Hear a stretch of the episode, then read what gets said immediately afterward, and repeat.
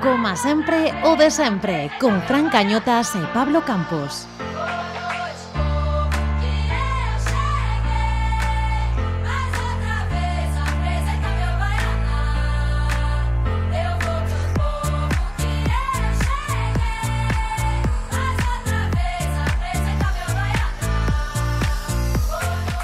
Ola, ola, señoras, señores, benvidos a outro, como sempre de sempre, van xa 27 campos. Outra semana máis, eh, Fran? E outra semana máis na que reivindicamos que Balaídos teña unha estatua para don Iago Aspas Juncal, ou alo menos o nome da cidade deportiva. Sí, polo menos o nome da cidade deportiva. A ver se non nos molestan as obras que ten Campos na casa, porque, señoras e señores, comeza, como sempre, o de sempre.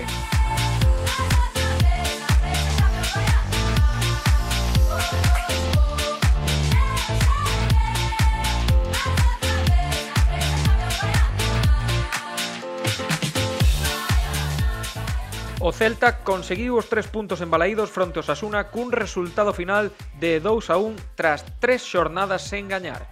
Na primeira metade os de Coudet dispuxeron de varias ocasións para adiantarse no encontro. Kevin, que entrou por maio, mandou unha volea lambendo Pau Longueiro e Santi Mina mandou un balón ao Pau. E xa preto do descanso, unha obra de arte de aspas puxo o 0 ou un 0 no marcador, control dentro do área, bicicleta, mandou a Facundo a buscar pipas e golazo. Pois sí, un golazo. Ainda que o Sasuna tamén tivo as súas, eh? Puido empatar cun tiro de Brasna que despexa moi ben Iván Villar ou cun cabezazo de Budimir que marchou por centímetros. Outro gol anulado ao Celta por milímetros por fora de xogo, esta vez a Nolito.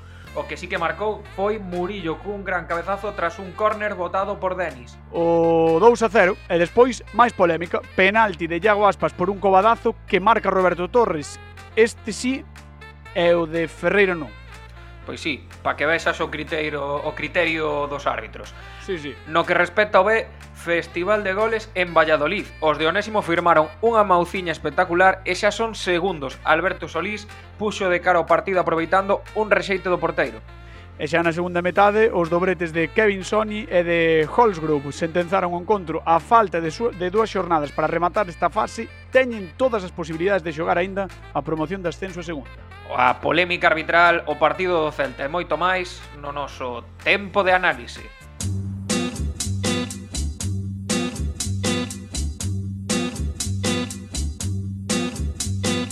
Hay quien me ha dicho un capricho austero que pataca al bicho me enchufe puchero, mucha trinidad pa'l santero. Os cabe en medio los chichos, debe de ser ligero. Salgo tarde de la ducha y ligero, el Ibarra en el estudio en plena zona cero. Lleno de barro suena rabalero, de donde vengo y lo que narro suena guarro, pero. Yo no barro pelos. Yo no barro, yo narro mi rollo, brillo, chico con estilo sencillo, pilla, traigo lo mejor de Sevilla, todo lo que hago es por un beso de alilla, o si yo, tigre cojo el micro con martillo, golpeo, escupo, ah, escupo, de luto, vestimos muchas viudas, yo te ejecuto por ser un puto, Judas, dudas, disipo con Satu, ahora tú tienes un marrón, el chapo con Escobar, cuando nos ves volar, eh, yo no creo que nos quieras probar. Yo no creo que tú lo quieras catar cuando la vida te ha tratado a patar y aflora la maldad. Cuando no puedes acudir a papá, la beca pagar, las vacas para el pobre son televisar. Cuando te clave una mirada mala, de esas que dicen que Están ese con niño nos nació hoxe para este tempo de análise Alex Gesto que deixamos que abandone a pizarra para estar na tertulia no tempo de análise a ver se se anima un pouquiño a rajar. Que tal? tal? Como estás, Alex?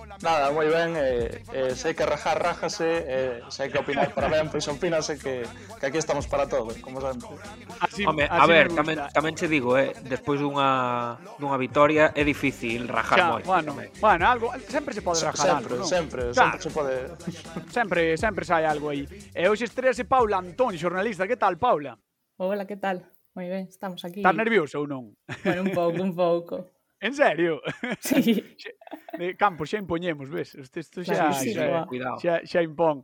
Bueno, pois nada, sentídevos libre de, libres de, de decir o que queirades e imos comezar un pouco pois co titular do partido, non? Que eu diría basicamente que foi unha vitoria necesaria despois de, de tres xornadas sen gañar e que deixa basicamente ou prácticamente pechada a salvación, polo menos de maneira virtual. Eh, como definirías ti o partido, Alex? Bueno, eu titularía o primeiro de todo, pois, máis, máis ou menos, aínda que non, non é tan exacto, digamos que sería permanencia teórica, porque ao final con eses 41 puntos o Celta o que logra é, é achegarse a, a esa permanencia que tantos anos pois chegaba a última hora ou estábamos a facer as contas para que o resto non, non pasaren sen por enriba nosa e este ano pois resulta que, que con Coudet aínda que a dinámica neste 2021 foi peor, é certo, eh, logranse chegar a eses números e ainda por riba pois coa vitoria de, desta pasada semana pois xa queda certificada. E nada, foi un partido que eh, ten claros curos, que ten moito para comentar aínda que digamos que o Celta no primeiro tempo mellor contra o segundo sempre adoita ter un pequeno baixón ou por xeral contra esta clase de equipos digamos que co resultado a favor pechase máis, eh, tende a ceder máis espazos e neses contextos eu creo que ás veces non lle gusta, o sea, ten dificultades para toparse máis cómodo, pero, pero bueno, que ao final lograse acabar a victoria pese a certos erros ou cousas que se podan mellorar e, e, e nada, tres puntos para, para o bolseiro que, que veñen de maravilla. Ajá. E para ti, Paula, eh, que, que resumo, que titular che deixou o partido? Pois eu titularía con o contraataque celeste dous puntos canela en rama, porque, bueno, eh, para min o xogo do Celta dende que chegou Coudet eh, mellorou moitísimo, eh, eu facía tempo que non disfrutaba tanto de dos partidos do Celta, si que é verdade que tiñamos sempre algún aí que destacaba entre o resto, pero uh -huh. o resto dos partidos pois mm, eran aburridos, non era como esa etapa que, por exemplo, cando estaba Berizzo sí que, sí que tiñamos tamén. Sí, eh, bueno, tamén... como, tes como un pouco de fútbol, non? Ves un pouco de fútbol agora. Sí, agora é eso, vese fútbol.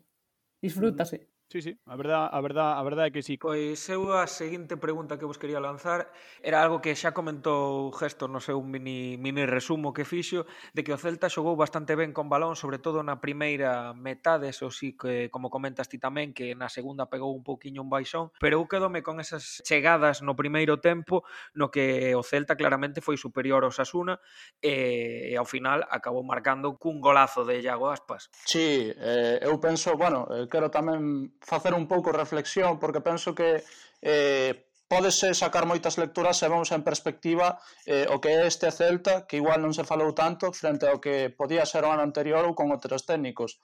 Eh, isto xa o temos comentado moitas semanas, e eh, é certo que o Celta con pelota eh, quizá máis en casa que fora, pero eh, depende tamén do, do equipo que se lle presente. Por exemplo, o Sasuna era un equipo que obviamente estaba bastante plegado como moitos outros en ese bloque medio, defendía digamos, moito, era un equipo que tampouco necesitaba balón para xerar, pero o Celta con Coudet, dende que chegou, é un equipo que intenta apostar sempre por a, pola pelota en corto, de ter a pelota, de ser protagonista coa pelota e, de, sobre todo, ser vertical, tomar riscos, volcar a moitos xogadores no ataque e cando chega e cando logra xerar e logra rachar esas primeiras liñas, é dos equipos sin dúbida máis máis bonitos de ver da liga. Eh. Eu penso que neste nesta clase de partidos sempre unha gozada ver o Celta e bueno, ese primeiro tempo non deixa de ser un primeiro tempo representativo e característico do estilo que leva promovendo Coudet durante toda a tempada, ou seja, que é, é, é que é que é un pouco que o que estaba dicindo Paula, non? Que que agora dá gusto ver ver o Celta, ou polo menos, bueno, pódese gañar, pódese perder, eh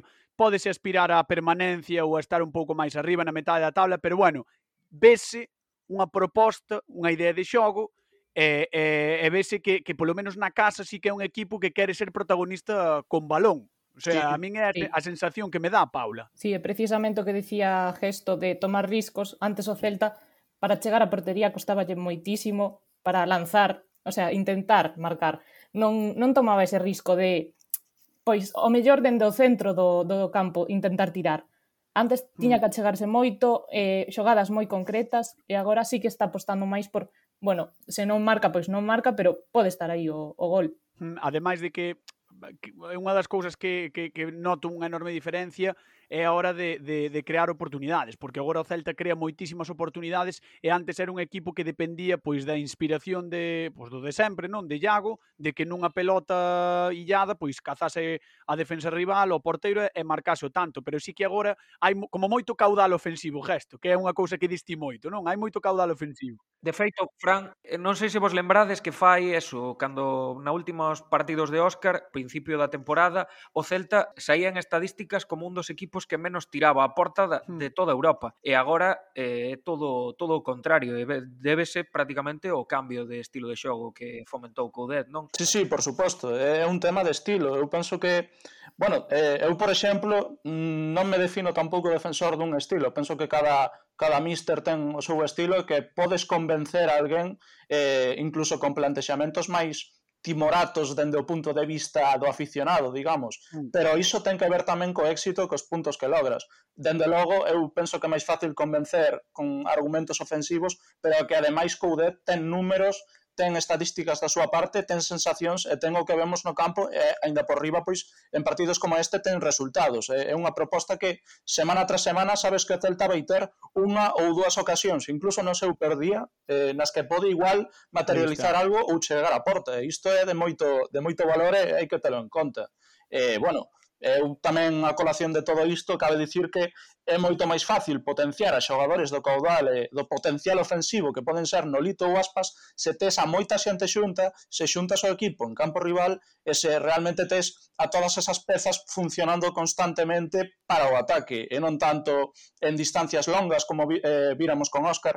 Por exemplo, con Óscar víamos moitos partidos nos que o Celta apostaba por defensa de tres centrais, cerrábase moito atrás e iso, bueno, Aspas con espacios pode darlle algunha situación boa de, de gol ou, ou que que Aspas poda xerar, eh, bueno, porque é un xogador excelente, pero non é tan doado eh, posicionalmente Coudet o facilitalle moito a tarefa ao Celta nese sentido. E non só a Aspas, senón tamén a Santimina, que está a facer unha tempada bastante boa a nivel goleador, penso eu, e, e de sensacións levamos todo ano dicindo que con Coudet é un xogador bastante importante. Tamén Nolito, que igual a nivel de, bueno, de espectro ofensivo, digamos, de xerar e de ter poder combinativo, non un xogador que teña esa incidencia, pero nos últimos metros está a facer uns números moi bons, Brais Méndez tamén aporta, Denis Suárez tamén aporta, incluso os laterais que nestas últimas xornadas vemos como, bueno, elevamos toda a tempada vendo como Valle ou laterais deste perfil son incisivos, mm. chegan á área rival e teñen ocasións de gol,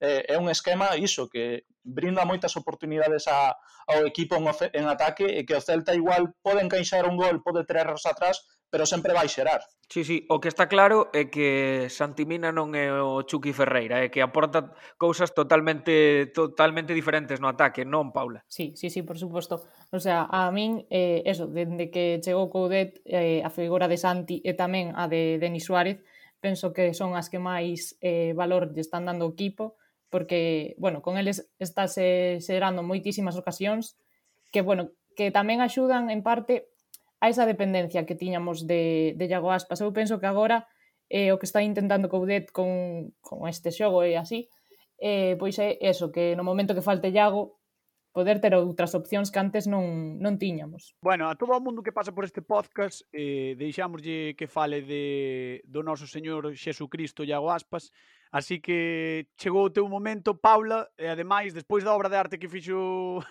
nesta xornada, pois telo fácil. Iago Aspas, selección ou non? A ver, por suposto que merece. O sea, para min é o, o dianteiro español que máis o merece agora mesmo e, bueno, xa fai un, un cuanto tempo.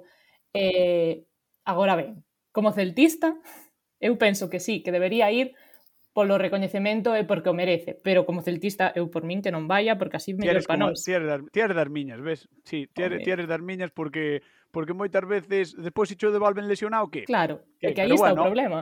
Obviamente para o seu para o seu eu, desenvolvemento persoal como xogador é moito mellor que vaya á selección, pero é que o gol, eu pensando un pouco no, no, no gol, ese gol que fai neste, neste partido, que ademais pégalle ca perna mala porque lle pega ca dereita, no, se, se o fai, pff, eu que sei, pues, calquera do, das estrelas, Neymar, Mbappé, eh, Cristiano, Messi, cantas veces, cantas horas de chiringuitos, golazo de gol, estaríamos papando con ese, con ese gol. Non vos parece que moitas veces a, a, a vara de medir aos xogadores é eh, é moi distinta. É evidente que, sí. que é moi distinta. É que precisamente antes estaba, estaba en Twitter, eh, non lembro ben que conta era, pero recuperaban un tweet de Iago Aspas re respondendo a, a un diario, non lembro tampouco cal era, pero era como eh, Iago Aspas súmase a, a moda de Vinicius, dai dous mm. anos, facendo sí, sí. unha bicicleta. E Iago Aspas sí. respondía, levo facendo bicicletas dende que Vinicius aínda non andaba. Claro, claro, é que, ese, que... ese, ese, o, ese o, o, o rollo, sempre. non? Sí. sí. Ese, sempre, ese, sempre comparan con, con xogadores dos equipos grandes que queren marchar agora, pero bueno tamén hai equipos en eh, xogadores na terceira división e na segunda B que están facendo xogadas que tamén son bastante destacables. Bueno, é que, é que despois que teñen unha carreira ás costas espectacular, sí. o sea, xogadores que, que estiveron na primeira, na segunda, que agora están na, na segunda B, que teñen moita máis carreira da que ao mellor ten Vinicius, vamos, eh, nunca, o sea... Eso, sí, sí. eso, eso clarísimamente. Bueno, don Iago Aspas, al gesto. Bueno, que dicir, eu con respecto ao debate da selección, pois eh, estou nesa liña totalmente na vosa, porque, bueno, eu creo que por merecimentos todos estamos de acordo, moita xente dende fora de Vigo, quero dicir, non é que nós teñamos adoración por el, porque... Na, eu, xa che, eu xa che falo non de Vigo, sino de Galicia, o sea, Exacto. porque como telo aquí como o mellor xogador galego, non? Porque, porque é así, é o mellor xogador galego hoxe en día, pero é que incluso fora a xente, eu vexo por redes sociais que está todo o día dicindo, bueno, É que isto, é que isto xa é, vamos, se non é, é chamar a porta, é, é derrubala, tirala directamente. Por suposto. Ademais, eh, bueno, máis aló dos, dos trofeos, que é un home con trofeos a nivel individual, que ten zarras, é eh, un xogador que leva moitos anos a, a un nivel goleador espectacular, pois eh, eu penso que hai un recoñecemento moi grande da figura de Aspas porque é un xogador que é moi singular no, no fútbol español e que eh, non se entende tampouco moi ben como moitas veces non non entra nesas convocatorias. Agora ben, o, o que vos dicides e, e comparto é que ao Celta, pois, por exemplo, neste sentido ben lleven tamén porque o teñen máis fresco, arriscan menos que poida ter lesións, pero cabe entender tamén que un xogador como Aspas fagalle ilusión este tipo de, de mm. convocatorias e de, e de cousas porque ao final é un recoñecemento máis ao seu traballo e a súa carreira. Eu, por exemplo, non vería mal que estivese, eu que sei, todas as eh, os paróns das eleccións, pois que non pudese ir a todos ou que algúns non fose, pero que, digamos, na previa da Eurocopa, na Eurocopa, pois pudise ir. Eu, eu creo que iso a todos sería un término medio que nos eh, alegraría moito, e obviamente el estar nunha Eurocopa ou nun Mundial ou no que sexe, pois faríalle moita ilusión con, con España, por suposto, e sería con total merecimento, creo eu. Sí, un premio totalmente merecido. Tamén vos teño que dicir, eh, a min que lle fai a Roncaglia a Facundo non, non, me da, non me dá pena. E despois do golazo que nos, marcar, que nos marcou na ida, eu creo que, que lle está ben, por, que aprenda, non? Tamén. que tamén sabe eh, zoupar, non? Sí, sí, tamén. Sí, o, moito recordamos aquí a, a Roncal e a mima. Anda, anda que non... Sí, sí. E, e mira que marcou o, o gol importante da, da noite sinalada, o, o de Roncalia, pero... Sí, pero, pero fíxate ti o que, o que é o fútbol que, eh, no primeiro partido da, da tempada, creo que fora, que marca ese golazo, eh, xusto a contraportada neste, neste desta semana, e aspas, bueno, deixando un gol máis para a súa galería persoal de, de goles, basicamente, que, que ten o seu selo, totalmente. E que tranquilamente este gol de aspas, igual é un aburrado que vou dicir, pero tranquilamente igual non é un dos seus mellores cinco goles ou dez goles da súa carreira, eh? Como é que para é un golazo. O sea... É que ten moitos. Eu eu algo que penso moito é eh, cando se retira Iago Aspas eh, vai ser algo que, por exemplo, con Mostoboy ou outros ídolos do Celta mm, do pasado, grandes xogadores, grandísimos, que igual non se recordan tanto a formato vídeo ou que nesa época a nivel visual non estaba tan tan popularizado eh, o termo da memorabilia, todo isto, eu creo que igual dentro de 20 anos será fácil ver recopilatorios de xogadas de, de Iago Aspas e, e quedarnos todos abarallados e poder ver realmente dicir, ostra, era un xogador super singular, super especial, con goles como a, o que lle marca ao Huesca, creo que fora fai unha dúas tempadas en primeira ou goles como bueno, como este o desta semana, pois ten moitos goles para, para lembrar e, e eu creo que son goles singulares que son moi difíciles de ver noutro tipo de xogadores. Seguimos falando de Iago Aspas, falamos do, do dubidoso penalti de, do domingo que cometeu outro día. Parece vos penalti tendo en conta os antecedentes embalaídos, sobre todo con ese nariz de Chucky Ferreira. Ti que opinas, Paula? A ver, é que ser, cas normativas que hai agora, sería é penalti Pero claro, eh, se é este penalti, por que non é o de, o de Ferreira do outro día? O problema está en que uns son, outros non, despois a xente, eu xa non sei cando é, cando non, entón, mm. pois... A, do, a dobre vara, non? Si, sí, é como claro. Casmans tamén. Sí, sí, sí, é que é o de sempre. Para uns partidos uns árbitros sí que o consideran, outros árbitros non o consideran, un árbitro decide nin mirar o bar, Eh, a mm. ver, mm, eu penso bueno, que... En, te, en teoría teñenos que chamar de arriba, Sí. Non, eh, a teoría di que os teñen que chamar de arriba para, para que vayan mirar o monitor, o sea, posible revisión tal, pero bueno, moitas veces é, é o que distí, que non sabemos realmente eh, se hai xogadas que deberían ser chamados, non, a mirar eh, na pantalla, ou non. E despois, bueno, de a posición se si está man, man por riba da cintura, por debaixo do por riba do cóbado, non sei. Eh, é un pouco é un pouco curioso. Eh, estuve vendo un pouco así por redes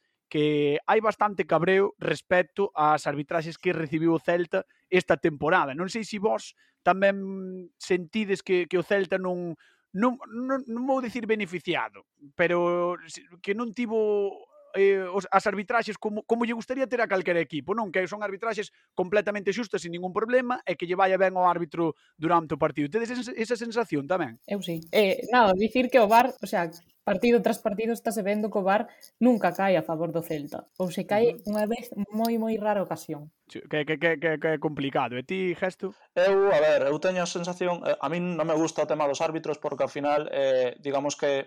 Eh, Mm, eu centrome sempre no, no tema máis do xogo, pero a nivel de arbitraxes sí que é certo que moitas veces pois, hai decisións e cousas que non, non se entenden a nivel de, de normativo pero ou, ou de aplicación, mellor dito, da normativa eh, isto non é cousa de, de unha tempada ou de dous ou de tres, senón que é un debate que, que leva sempre aí e por iso é tan flexible eh, o reglamento, o regulamento e por iso cambianse tanto as normas e, e digamos que iso tamén quizáis poda molestar a, a arbitraxe en certo sentido e ademais sí. hai, hai outro punto que é moi clave en todo isto é que ao final moitas cousas como que dependen da parte máis interpretativa do, do árbitro. E claro, para algúns árbitros igual certa acción pode ser punable, eh, para outros pois pode ser menos mm, considerable como, a, como unha acción a ter en conta, non sei, é, é, é difícil, e dende logo o Celta, pois, neste sentido, nestes debates, e nesta clase de accións, sí que pode saer eh, desfavorecido en moitas situacións, se comparamos con outros exemplos, e eh, situacións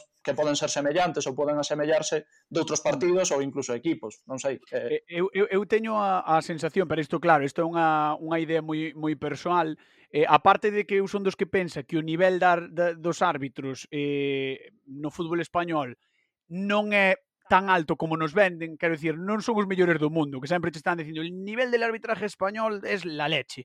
Bueno, eu creo que non, eu creo que hai árbitros moi bons, a mí, por exemplo, Mateu encántame, eu creo que hai árbitros moi, moi, moi bons, e incluso a nivel internacional moi bons, e despois outros que non son tanto, pero eu non me quero centrar tanto no nivel dos árbitros, senón eh, no, con, no continuo cambio de directrices que teñen que sufrir. Claro. Porque claro, ti eres un árbitro e eh, eh, estánche cambiando o, o famoso o famosa vermella a Modric no partido contra o Celta, non? Ou, ou sí. e despois outras entradas que non son a, eh, cartón, eh, o, o tema das mans, é dicir, eu creo que eh, antes de aplicar algo como o VAR, ou antes de aplicar eh, eh, unha ferramenta así, hai que tela testeada e hai que ter o sea, teñen que considerar que estas situacións poden pasar, porque o fútbol é, eh, é así de aleatorio en canto a situacións. Eles tiñan que ter contemplado, eu falo xa do, do estamento arbitral, eh? eh tiñan que ter contemplado que isto podía pasar.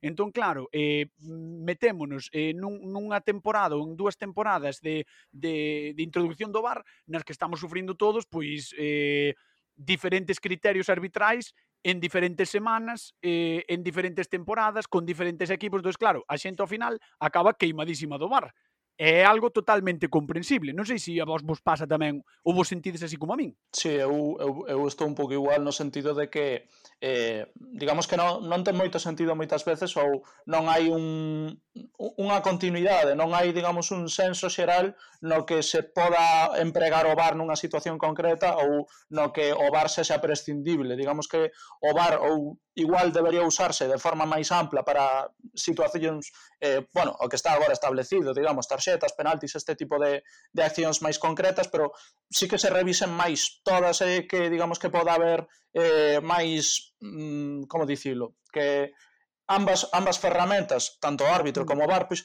teñan máis comunicación e podan operar máis libremente claro. nese sentido. Ti, como... ti serías un pouco máis intervencionista, non? Con respecto ao VAR. Sí. Quer dicir que a, que a comunicación non sexa só por catro casos concretos, sino en xeral. Sí, non? eh, digamos que non en todo o transcurso do xogo, pero sí en toda esta clase de accións que houbera máis comunicación e que, digamos que, sempre se levara un consenso. Eh, consenso. Igual non de revisalas tanto, só no caso das accións polémicas e tal, pero digamos que ambas partes tiveran eh, o criterio da polemicidade e non só recaia no árbitro esa parte interpretativa porque ao final eh, somos humanos e é normal perder unha acción ou que digamos que un teña un criterio diferente ao outro. E penso que entre mm. 4 e 5 sempre as decisións van ser máis consensuadas e mm. van ser millores.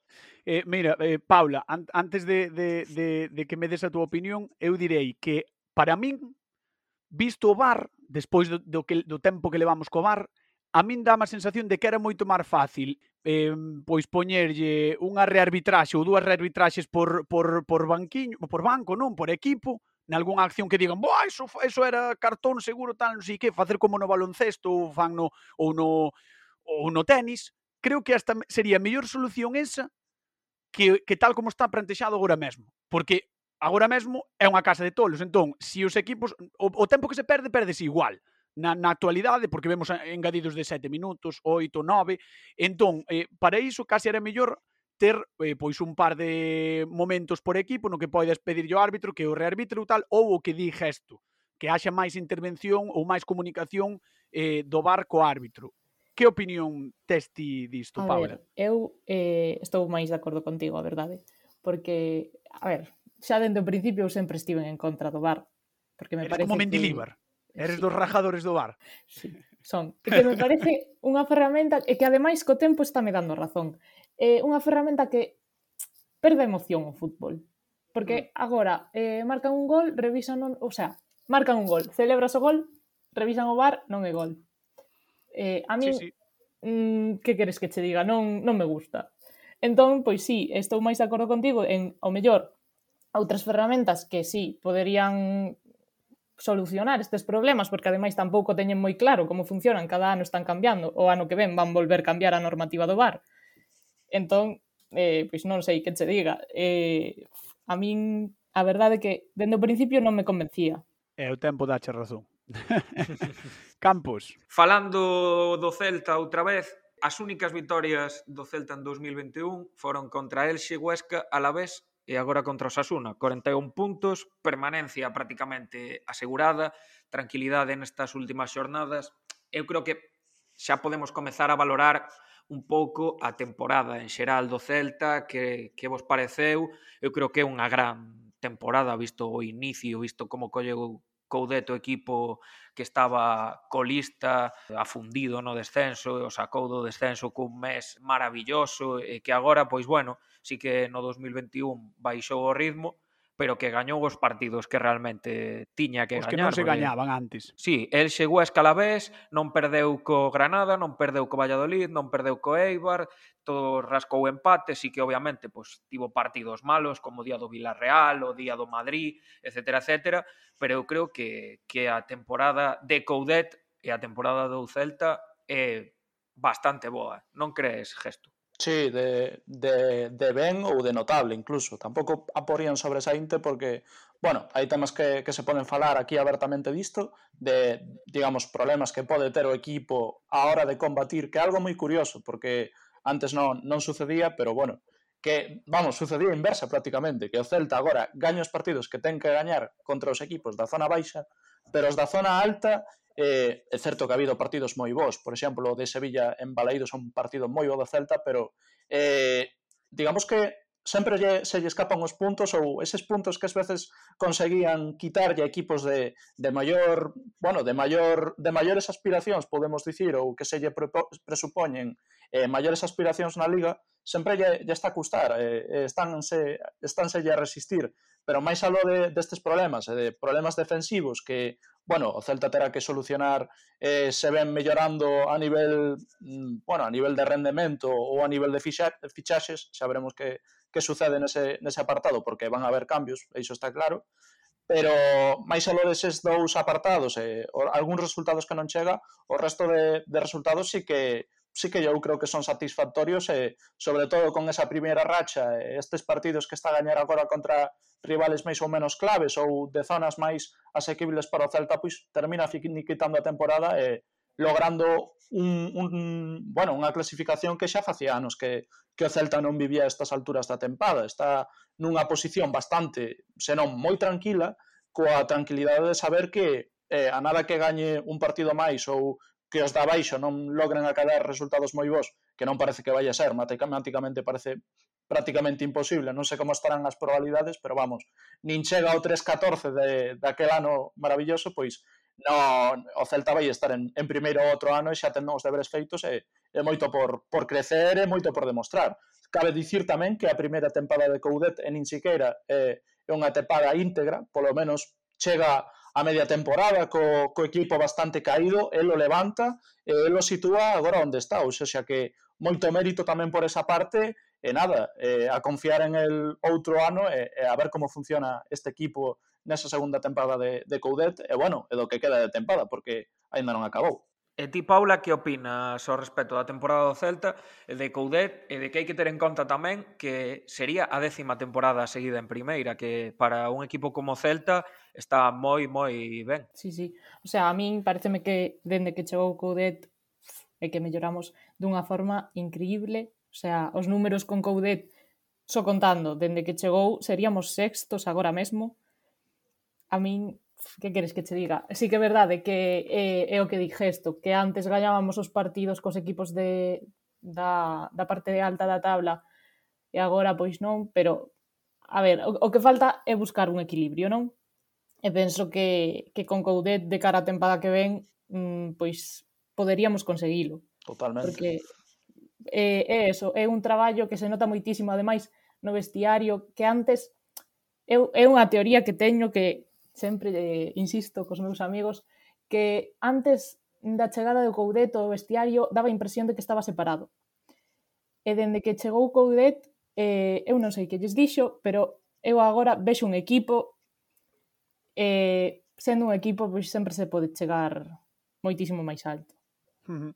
Pois Alex Geus, Alex, Alex Geus, decir. Eh. Alex Gesto eh, e Paula Antón, moitísimas grazas por estar neste tempo de análise do como sempre o de sempre.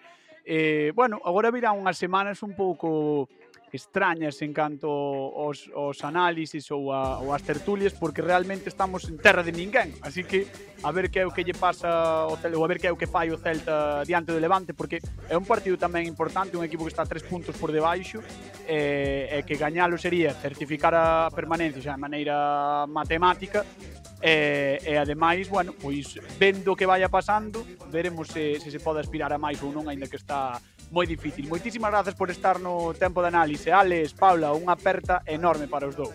Grazas a vos. Nada, outra para vos.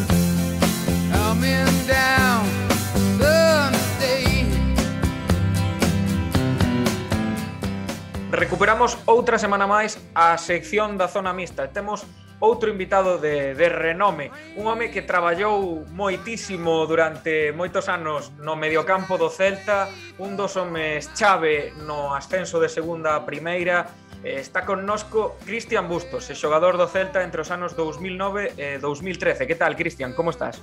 Hola, buenas tardes. Muy bien, un placer de, de estar con vosotros. Agora mesmo, eh, falandas un poquinho da, da tua vida actual, eh, agora mesmo a que, a que te dedicas? Segues formándote como adestrador eh, tras o paso breve polo Albacete, dama tamén con López Garay, o que entrevistamos fai unhas semanas. Agora mesmo, que, que, que estás a facer?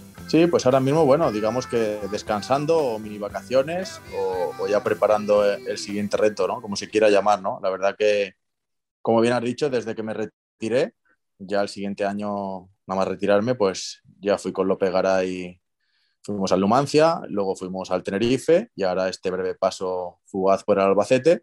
Y bueno, es la vida del entrenador, ¿no? Cuando te cesan, pues por la regla esta que hay, la normativa que hay, no puedes entrenar hasta la temporada siguiente, salvo que sea algo en el extranjero que te apetezca o, que la oferta sea interesante en todos los sentidos.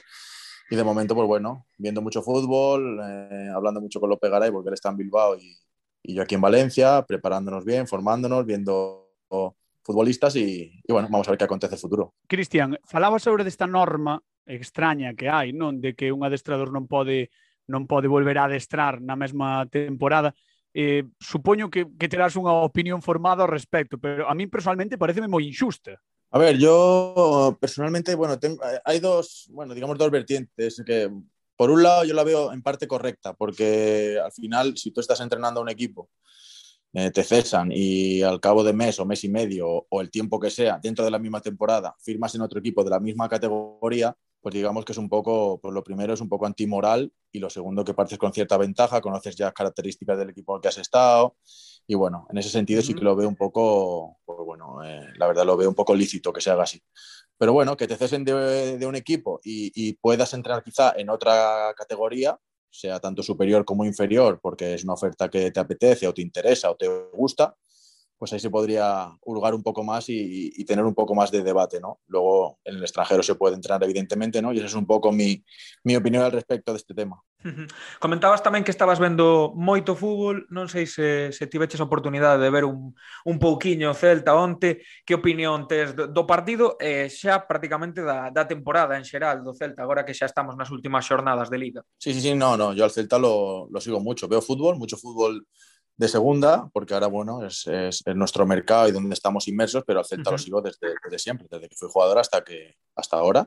Pues cuando puedo siempre veo al Celta, obviamente. Cuando tengo que hacer un descansillo y ver fútbol de primera, pues el Celta es, es la prioridad, ¿no? Y, y, bueno, sí, el partido de ayer eh, lo pude seguir y, y, bueno, pues, pues el Celta como siempre, ¿no? Últimamente, desde la llegada de, del Chacho, pues bueno, a mí personalmente me gusta mucho, me gusta desde que ha llegado lo que está ofreciendo, con ese fútbol que gusta allí, un fútbol yo creo que encima ofensivo, intenta combinar, sin miedos, que intenta proponer, no esperar a que sucedan cosas. Y el Celta con el nivel que tiene en la plantilla y, bueno, la calidad y el talento que tiene arriba, eh, comandados por, por ya hay que decirlo así, don Iago Aspas. pues está, está, que... Mire, xusto, xusto está escribindo aquí no documento que temos Campos, eh, está escribindo Pablo, Aspas é Dios. Sí, sí, sí.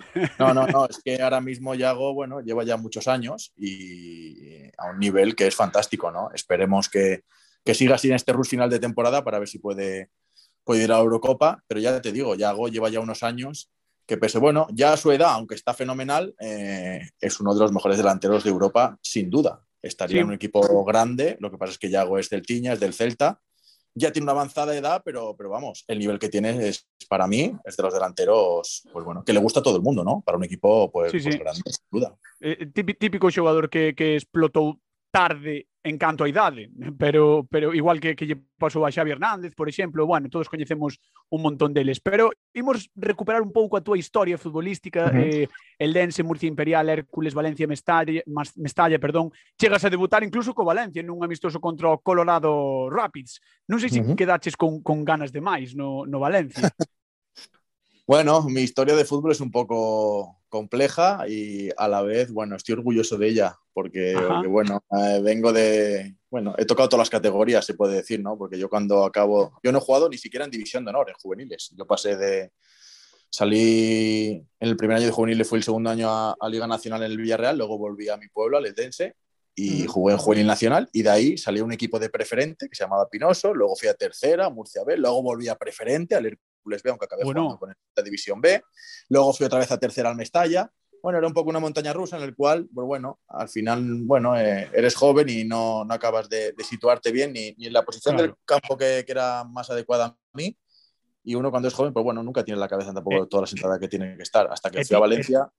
Eh, No, digo, Sí, digo, e ti, ti como, te, como te sentías neses momentos? Porque imagino que Bueno, eh, subir de categoría, baixar a outra categoría, eh, andar bailando durante eses anos nos que o que queres é absorber, absorber, absorber, medrar, medrar, medrar, pois sería un pouco montaña rusa tamén anímica. Sí, sí, totalmente. Hay momentos que pensé en que, bueno, que el fútbol ya no iba a ser mi, mi profesión y que no me iba a dedicar a, a nivel profesional. Pero bueno, la verdad que todo cambió cuando llegué a Valencia. Al Valencia tuve la oportunidad de ya el tercer año cuando estuve en el Hércules B ascender con el Hércules porque ya jugué partidos en segunda B. Ujú. Eh, recalé en el Valencia Mestalla porque Subirás, el director deportivo, recaló en el primer equipo del Valencia y me trajo para el filial. Y bueno, a partir de ahí, pues ya la historia todo cambió, ¿no? Era un filial que estaba en tercera, pero era el Valencia. Conocí a mi mujer, conocí a mi agente y, y bueno, digamos que me asenté, encontré mi sitio, mi momento en la vida y a partir de ahí, pues, pues nada, ya fue un recorrido luego express, pero hacia arriba, porque luego ya pasé tercera, segunda B y segunda de- del tirón y luego después de, creo que cuatro años en segunda, pues bueno, tuve la gran suerte de, de poder ascender con el Celta y jugar en primera. Que bueno, al final, oye, me quedo con una carrera en la cual pues, pues vengo desde muy abajo y, y bueno, yo creo que para ponerme algo de mérito de eso tiene su, tiene su intríngulis porque nadie me ha regalado nada y ha, ha, sido muy sufrida, pero bueno, muy satisfactoria. Sería o típico o típico xogador que eu tería, no, é que estou moi enganchado ao Football Manager ahora. Entón sería o típico xogador que todos os anos pues, rinde en todas as categorías para mantelo no, no equipo. Ten por aí Campos un, un apunte aí, un apunte unha historia, non?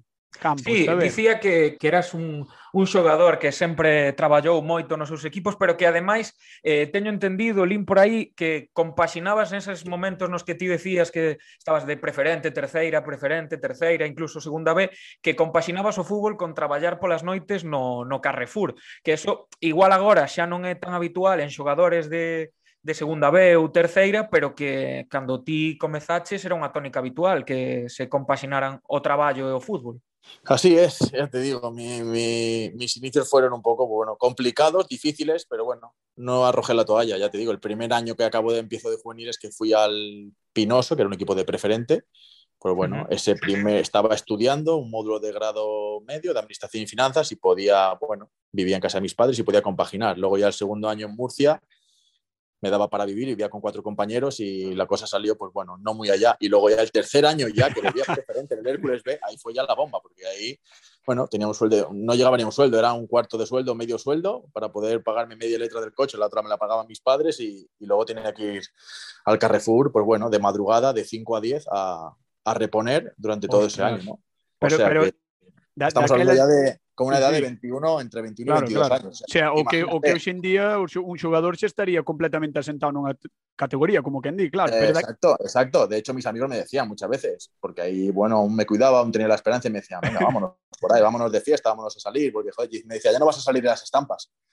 Y bueno, la verdad que luego todo fue meteórico y en, pues prácticamente, imagínate, con 20, en dos años ya, pues, con dos, tres años, ya pasé de, de preferente, tercera, preferente, tercera, segunda B, segunda, fue todo seguido. Hércules sí, sí. B preferente, Valencia Mestalla tercera, ascendimos a segunda B, jugué en segunda B y luego fui a Salamanca segunda. O sea que eso fue en tres años cuatro categorías. Imagínate. Nese Valencia Mestalla que coincides con xente como Insa, Pablo Hernández o Pablo Hernández, xogador do, do Valencia oh. ou, ja, ou Javi Guerra, a verdade é que é que normal que, que ascendera desde categoría, porque tiñades un, un equipazo. Sí, sí, no, no, la verdad que esos dos años del Valencia teníamos una plantilla excepcional. Encima era un filial que no era joven, tanto en tercera como en segunda B. Eran jugadores que, que, bueno, ahora son todos. Bueno, muchos hicieron mucha carrera. De hecho, portero era Guaita, también. Marrama luego hizo su carrera en Poliegido y por ahí, eh, Córcoles, eh, Lombán, que ahora está en el Oviedo, Javi Guerra, Aroñíguez, Miku, Aníbal, Pallardón, Nacho Insa. Puf, O sea, una serie material. de jugadores. había material. Claro, sí. Nico, si lo he dicho, también lo he dicho. Sí, o sea, una serie de jugadores que y seguramente me dejaré, me dejaré alguno. Que vamos, que, que, vamos, que como para no subir nos mataban allí a todos. a paus, como Celta ve este ano, ves que ten que subir, exactamente, exactamente igual. bueno, Salamanca despois chegas ao Celta da man de Miguel Torrecilla, un Celta no que xogaches 108 encontros coa camiseta celeste e se non me fallan as contas, foi o equipo no que máis partidos xogaches, non? Yo creo que cuántos, creo que llega a los 100 partidos. Creo Sí, recordar. 108, 108 teño por aquí anotado. Exacto, sí, eso es, eso es, no te había entendido.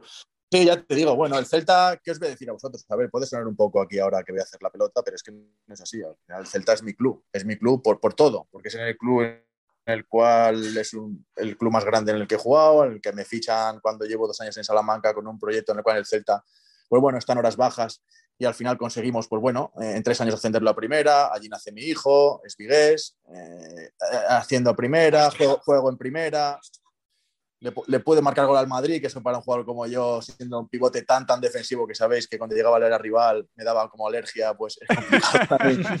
Ya te digo, entonces, bueno, el Celta no me escondo, al final el Celta es mi equipo. Entonces, después de tener estar allí cuatro años y con contrato tuve seis, que luego, bueno, pues fui saliendo concesiones y tal, pero al final el Celta me lo ha dado todo y, no me escondo en decirlo que, es mi equipo. Y, la verdad sí me lo demuestra muchas veces la gente, tanto cuando me llaman o como fueron cuando fuimos a jugar hace un año, fuimos con, jugamos con un amistoso en Melgazo en pretemporada Tenerife contra el Celta.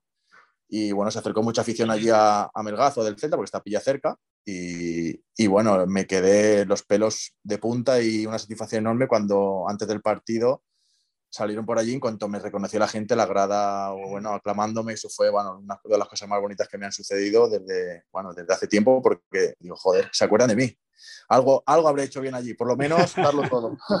Eu creo, darlo eu creo todo. que, que de, de, do, dos anos de, de ese Celta de segunda que sube a primeira, eu creo que a afición lle ten un cariño especial a, a Sí. xogadores como a ti, como a López Garay, como a Trasorras, como a Michu, como, bueno, todos os que siguen no equipo, obviamente, Iago, Mayo, Sergio, etcétera, de Lucas, sí, que, que eu creo que se lles guarda un, un cariño especial a, a, a esa xeración de xogadores que coinci- coincidichedes no Celta. Sí, sí, la verdad que yo eso siento, ¿no? Eso siento, la afición del Celta al final es muy agradecida y, bueno, sí que es verdad que cuando un- una plantilla consigue ascender, pues bueno, eso queda siempre para el recuerdo, ¿no? Aunque ahora estamos todos viviendo años muy bonitos con el Celta, incluso recientemente estando en Europa, jugando muy bien a fútbol, asentado en primera como uno de los equipos importantes de España. Pero cuando en esa época el Celta, pues bueno, estaba pasándolo un poquito mal, tanto económicamente como a nivel deportivo, al final el Celta es un equipo que tiene una historia detrás.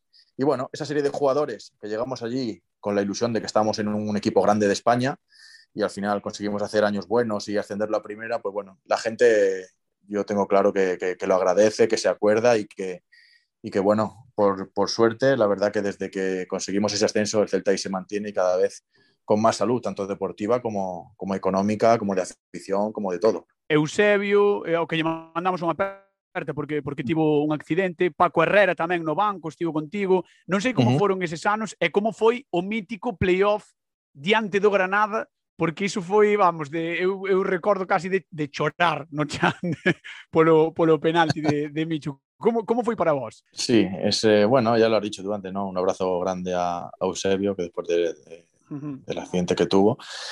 Y bueno, pues fueron años maravillosos. El primero con Eusebio yo creo que fue también muy importante porque digamos que Eusebio pues bueno, puso la, las primeras piedras de lo que es el Celta ahora, apostando sí, por... abrió a senda, ¿no? Sí. por, esa, por esa mezcla de, de, bueno, gente como, como nosotros que veníamos ese tipo de perfil de jugadores con una cierta, un cierto bagaje en segunda y con, con algo de veteranía y fue el que sacó pues toda la gente joven de abajo que tenían que darle sustento y viabilidad al club, como Hugo Mayo, como Aspas, como Dani Avalo, como bueno, Sergio Álvarez, empezaba a asomar también Rubén Blanco, que era muy joven, ya subía a entrenar Denis Suárez, yo recuerdo también ayer Copino, Santimina, bueno, oh, ahí empezaban a asomar. Ahí empezaban a asomarse ya una serie de jugadores que Eusebio le dio la alternativa a muchos de ellos. Y, y bueno, con un, ya un estilo de juego en el cual es el que eh, bueno, se adapta un poco a lo, que, a lo que gusta allí en Vigo, el buen fútbol.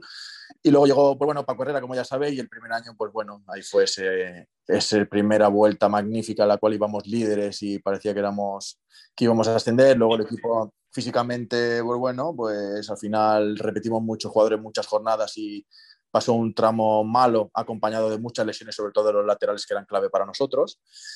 Y luego llegó ese playoff en el cual, pues bueno, fue dolorosísimo, dolorosísimo porque, porque bueno, la verdad que fuimos con un 1-0 allí a Granada y el partido de Granada allí sí que hay que, eh, bueno, hay que decir la verdad, nos pasaron por encima y, y, al final en la tanda de penalti lo tuvimos, pero al final no pudo ser. y bueno, yo creo que, aunque suene ahora ventajista, sí que es cierto que, que con ese ascenso que no pudo conseguirse ese año, cuando la vuelta fue, volvimos a, a Peinador, ese recibimiento de la afición fue otro de los momentos, pues bueno, clave en mi vida, ¿no? Porque, porque después de ese recibimiento, cuando te, te eliminan de un ascenso, la gente, yo creo que el celtismo se volcó aún más con, con nosotros, se volcó más con su club.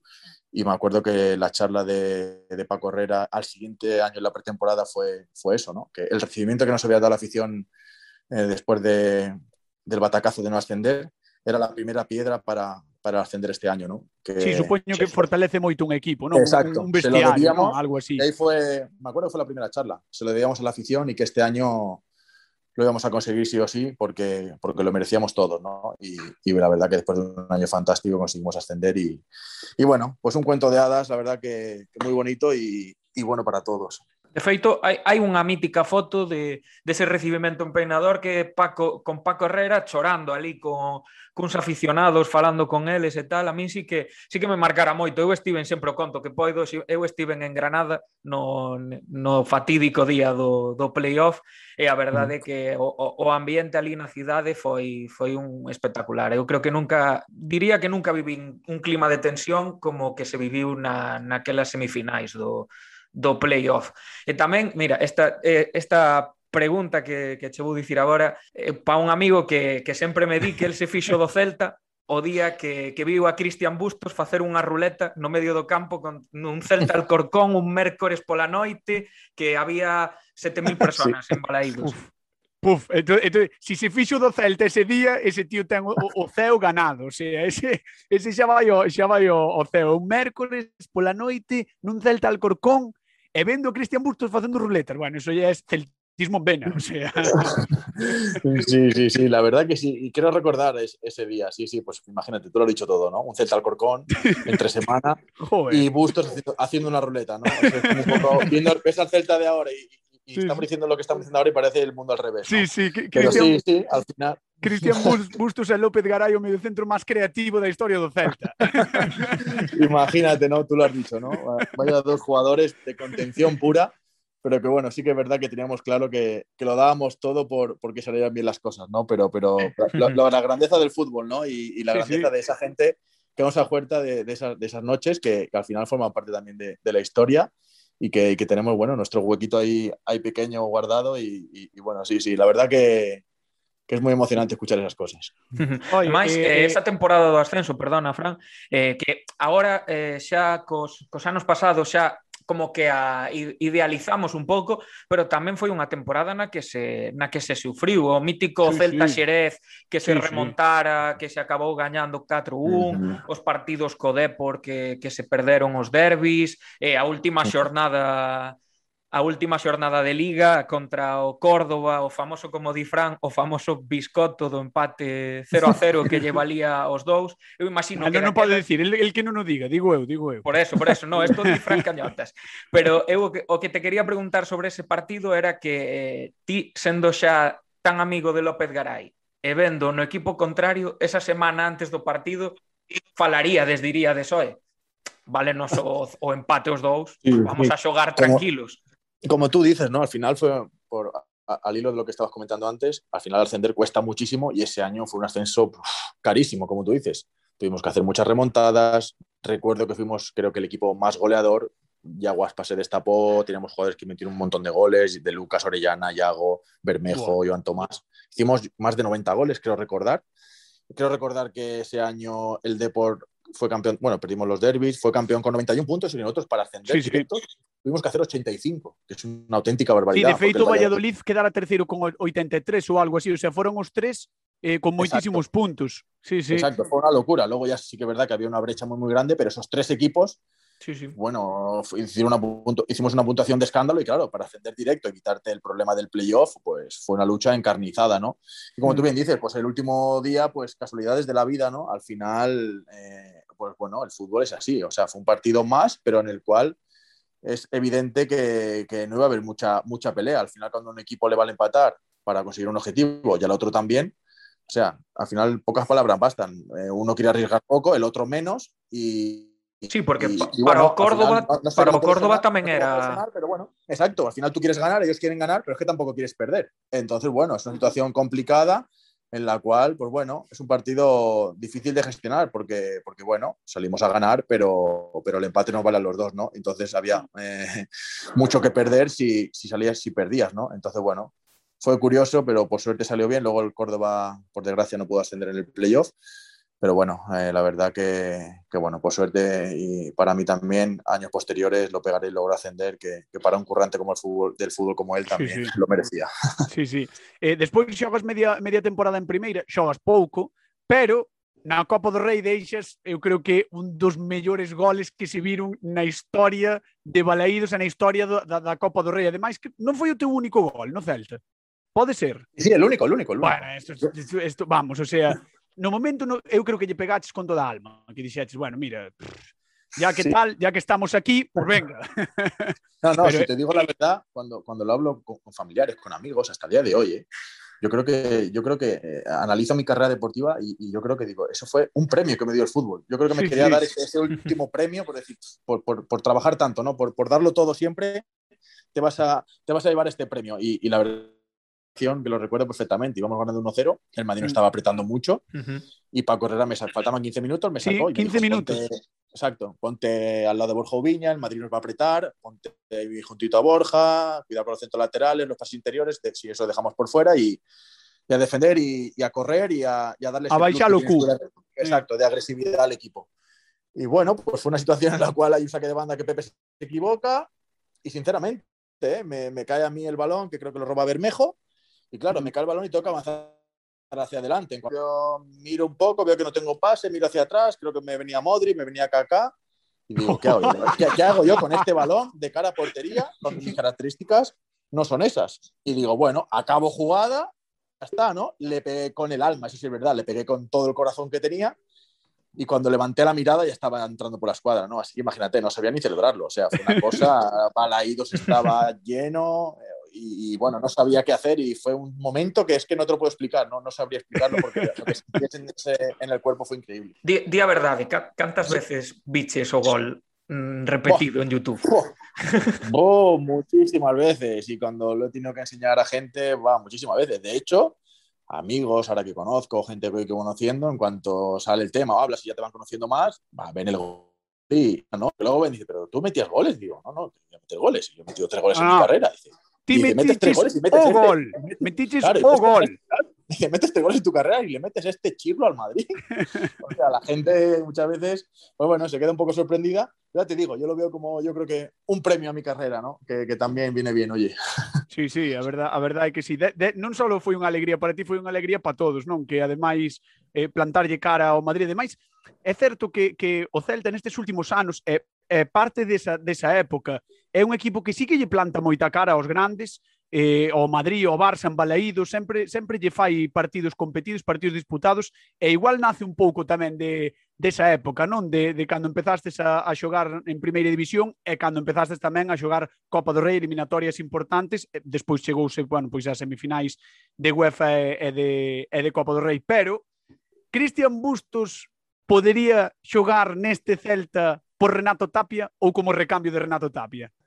Hombre, fíjate tú, me estás hablando de un jugador que, que, claro, yo me fijo mucho en ese tipo de jugadores y me parece un jugador buenísimo. Un Me parece animal, ¿eh? clave, Me parece clave en el Celta. Fichajazo, fichajazo y buenísimo.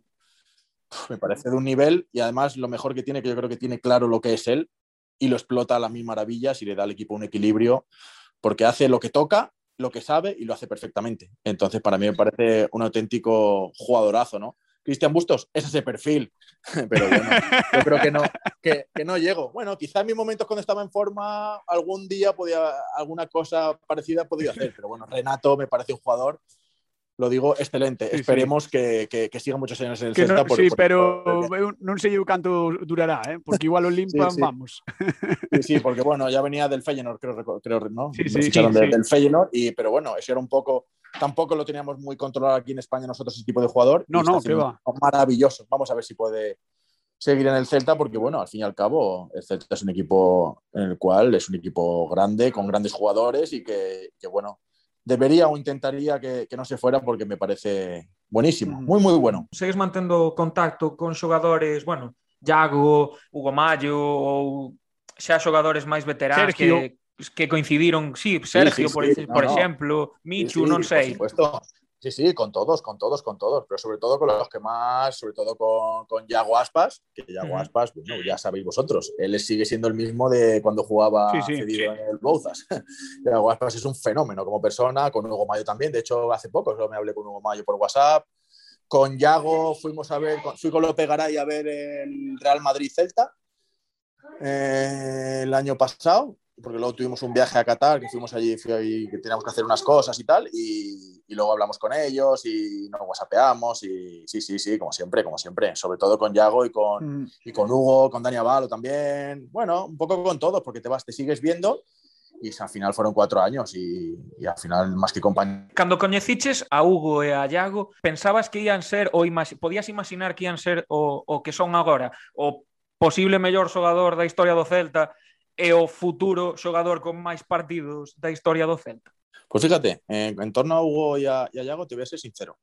Eh, cuando, bueno, yo- ellos empezaban ahí cuando llegamos López Garay y yo, y sí que es verdad que Hugo Mayo era más joven y tenía 18 años, y la verdad que ya se le veía que para la edad que tenía, tenía unas cualidades y ya un físico, un tren inferior muy fuerte, y ya era un jugador que se le veía inteligente y con unas cualidades buenas, y dijimos, bueno, este chico, si no pasa nada y tiene la cabeza como tiene que estar, y el Celta, pues bueno, lo que es lógico normal, algún día acaba ascendiendo. Aquí el Celta tiene lateral para muchos años y todo va normal, como así está siendo. Y luego de Yago Aspas, pues era un talento increíble, en el cual decíamos, qué bueno es este chico. Y ahí sí que López Garay siempre me decía, este chico es de otra pasta. Este chico es un jugador de Sí, otro sí. nivel. de Sí, otro. El día que- el día eh? Sí, sí, sí. El día que cuadre la situación y él ya se sienta en su hábitat y toque como tenga que tocar la- la- eh, el año y, y encuentre ese lugar de hábitat y sus sensaciones, va a ser un jugador que marque una época o va a jugar donde quiera. Y evidentemente yo también lo veía así, pero no tanto porque, bueno, decía, bueno, Mm. es joven, vamos a ver qué sucede. Como...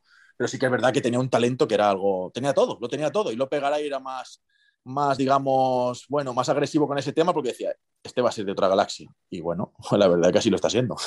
Bueno, pues mira, López Garay máis tío, ao final eh, formastes un tándem como adestradores. Non sei en que momento, eh, por ir pechando xa esta conversa e falar un pouco da actualidade, da túa actualidade, en que momento se che pasa pola cabeza pois adestrar ou en que momento el se pon en contacto contigo para adestrar xuntos eh, e que vos queda moita carreira por diante, non? Sí, sí, pues mira, fue muy sencillo. La verdad que Garay y yo nos conocimos en, digamos, parece que va de la mano, ¿no? Nos conocimos en Vigo, porque Ujú. firmamos a los dos a la vez. Anteriormente él había estado en Salamanca y yo firmé en Salamanca por- para cubrir su vacante cuando él va a Castellón.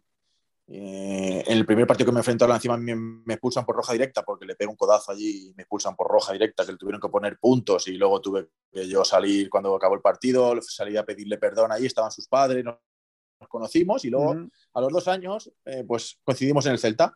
En un año, año y medio, nosotros ya éramos, digamos, apasionados del fútbol y, y ya íbamos, veíamos el fútbol ya de, de otra manera, ¿no? Era como, bueno, queríamos verlo ya desde dentro, pues, pues bueno, como, como entrenadores, ¿no? Aprendiendo constantemente y viendo el por qué sucedían las cosas, ¿no? Y ya cuando salimos de Vigo y ya luego coincidimos en Gijón, dijimos, oye, cuando nos retiremos, tenemos que seguir de entrenadores los dos, como sea, a ver si tenemos suerte, porque, porque esto es lo nuestro tuvimos la gran suerte de López Garay en Reus, pues bueno, acaba su carrera y le ofrecieron entrenar. Yo ahí aún estaba en Lorca, que ascendimos a segunda, ya iba a ir con él, pero al ascender aún tenía contrato. Y ahí le dije, venga, no me la líes, salva, salva al Reus, hazlo bien y ya nos enganchamos. Y por suerte así fue. Y vamos a ver, ahora el mundo de entrenador es totalmente diferente, más complejo, el entrenador siempre es el primero que se cuestiona, forma parte de, digamos, de, de, de este circo, de este negocio, de este deporte, y, y ahí estamos, ¿no? Estamos en ello pero con muchas ganas, con mucha ilusión. Yo creo que formamos un, una gran pareja, él como primer entrenador y yo como asistente suyo. Y bueno, vamos a ver si somos capaces de, de, tirar hacia arriba, porque bueno, como tú dices, somos jóvenes. Él tiene 40, yo tengo 37 aún. Hmm. Sabes que, que as mellores amizades sempre nacen así, ou dunhas hostias, ou de, de golpes, ou de...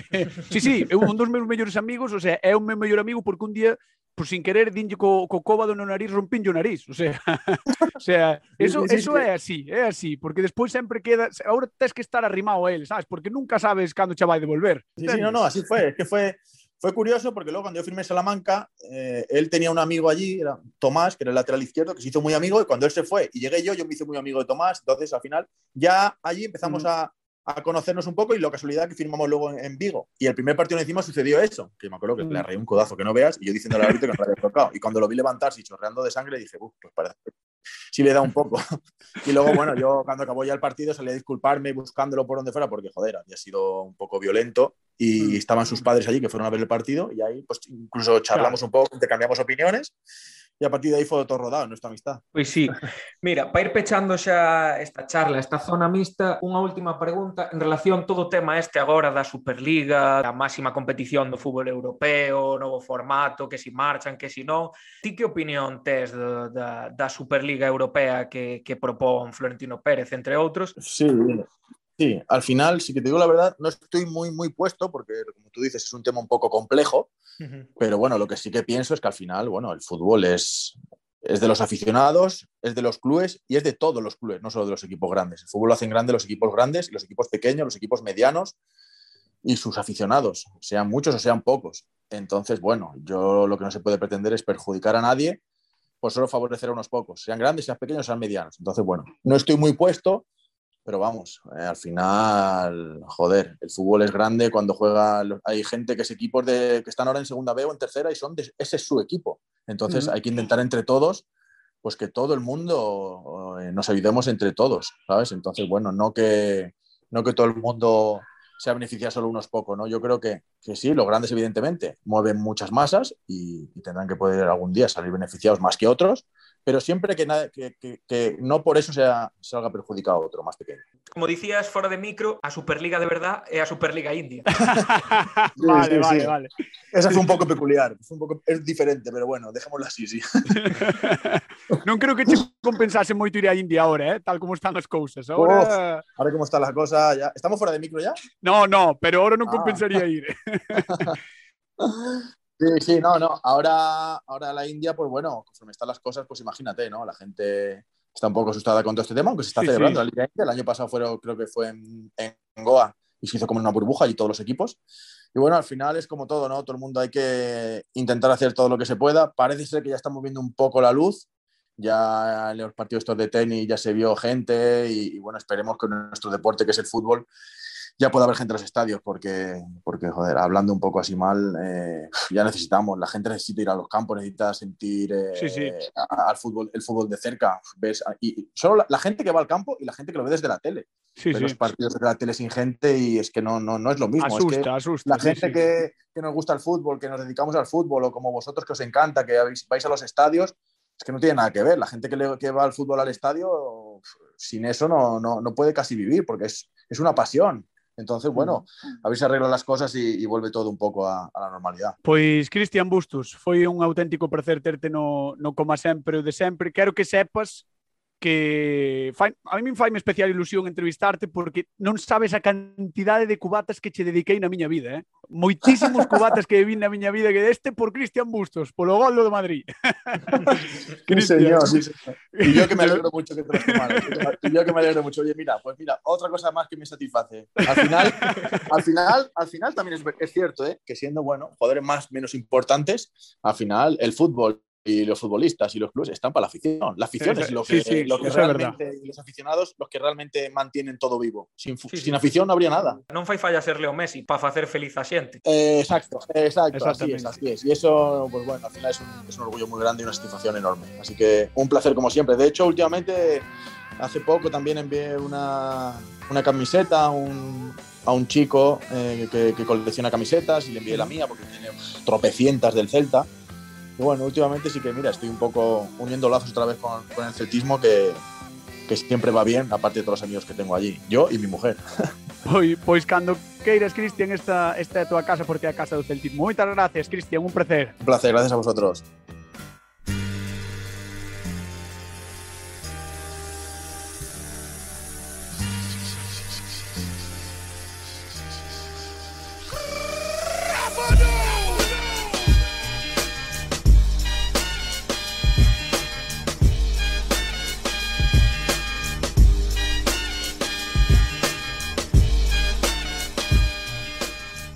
O Celta recibe este venres ás 9 da noite en Baleiros ao Levante. Os valencians ocupan o posto número 12 da clasificación con 38 puntos a 3 dos de Coudet. É o partido perfecto para pechar xa non virtual, senón matemáticamente a permanencia. Pois sí, un equipo granota que ademais leva 3 derrotas consecutivas en Liga. Radoya, Bucevic e Campaña serán baixa por lesión mentres que Paco López recupera parece que a Miramón e a Dani Gómez. O Celta B recibe a Cultural Leonesa en Baleiros unha victoria mmm, acercaría prácticamente os playoff os de Onésimo. Pois sí, hai que ver como quedarían os resultados dos outros partidos para saber se sería matemático ou non. Mm. No partido de ida de fai tres semanas, os rapaces do B venceron el León por 0 a 3 cun hat-trick de Alberto Solís. A ver se se repiten as cousas esta semana. Señoras, señores, aquí deixamos este como sempre de sempre. Estivo interesante que chula entrevista. A Bustos disfrutámola un montón. Vémonos a semana que ven. Chao chao. Ata a próxima.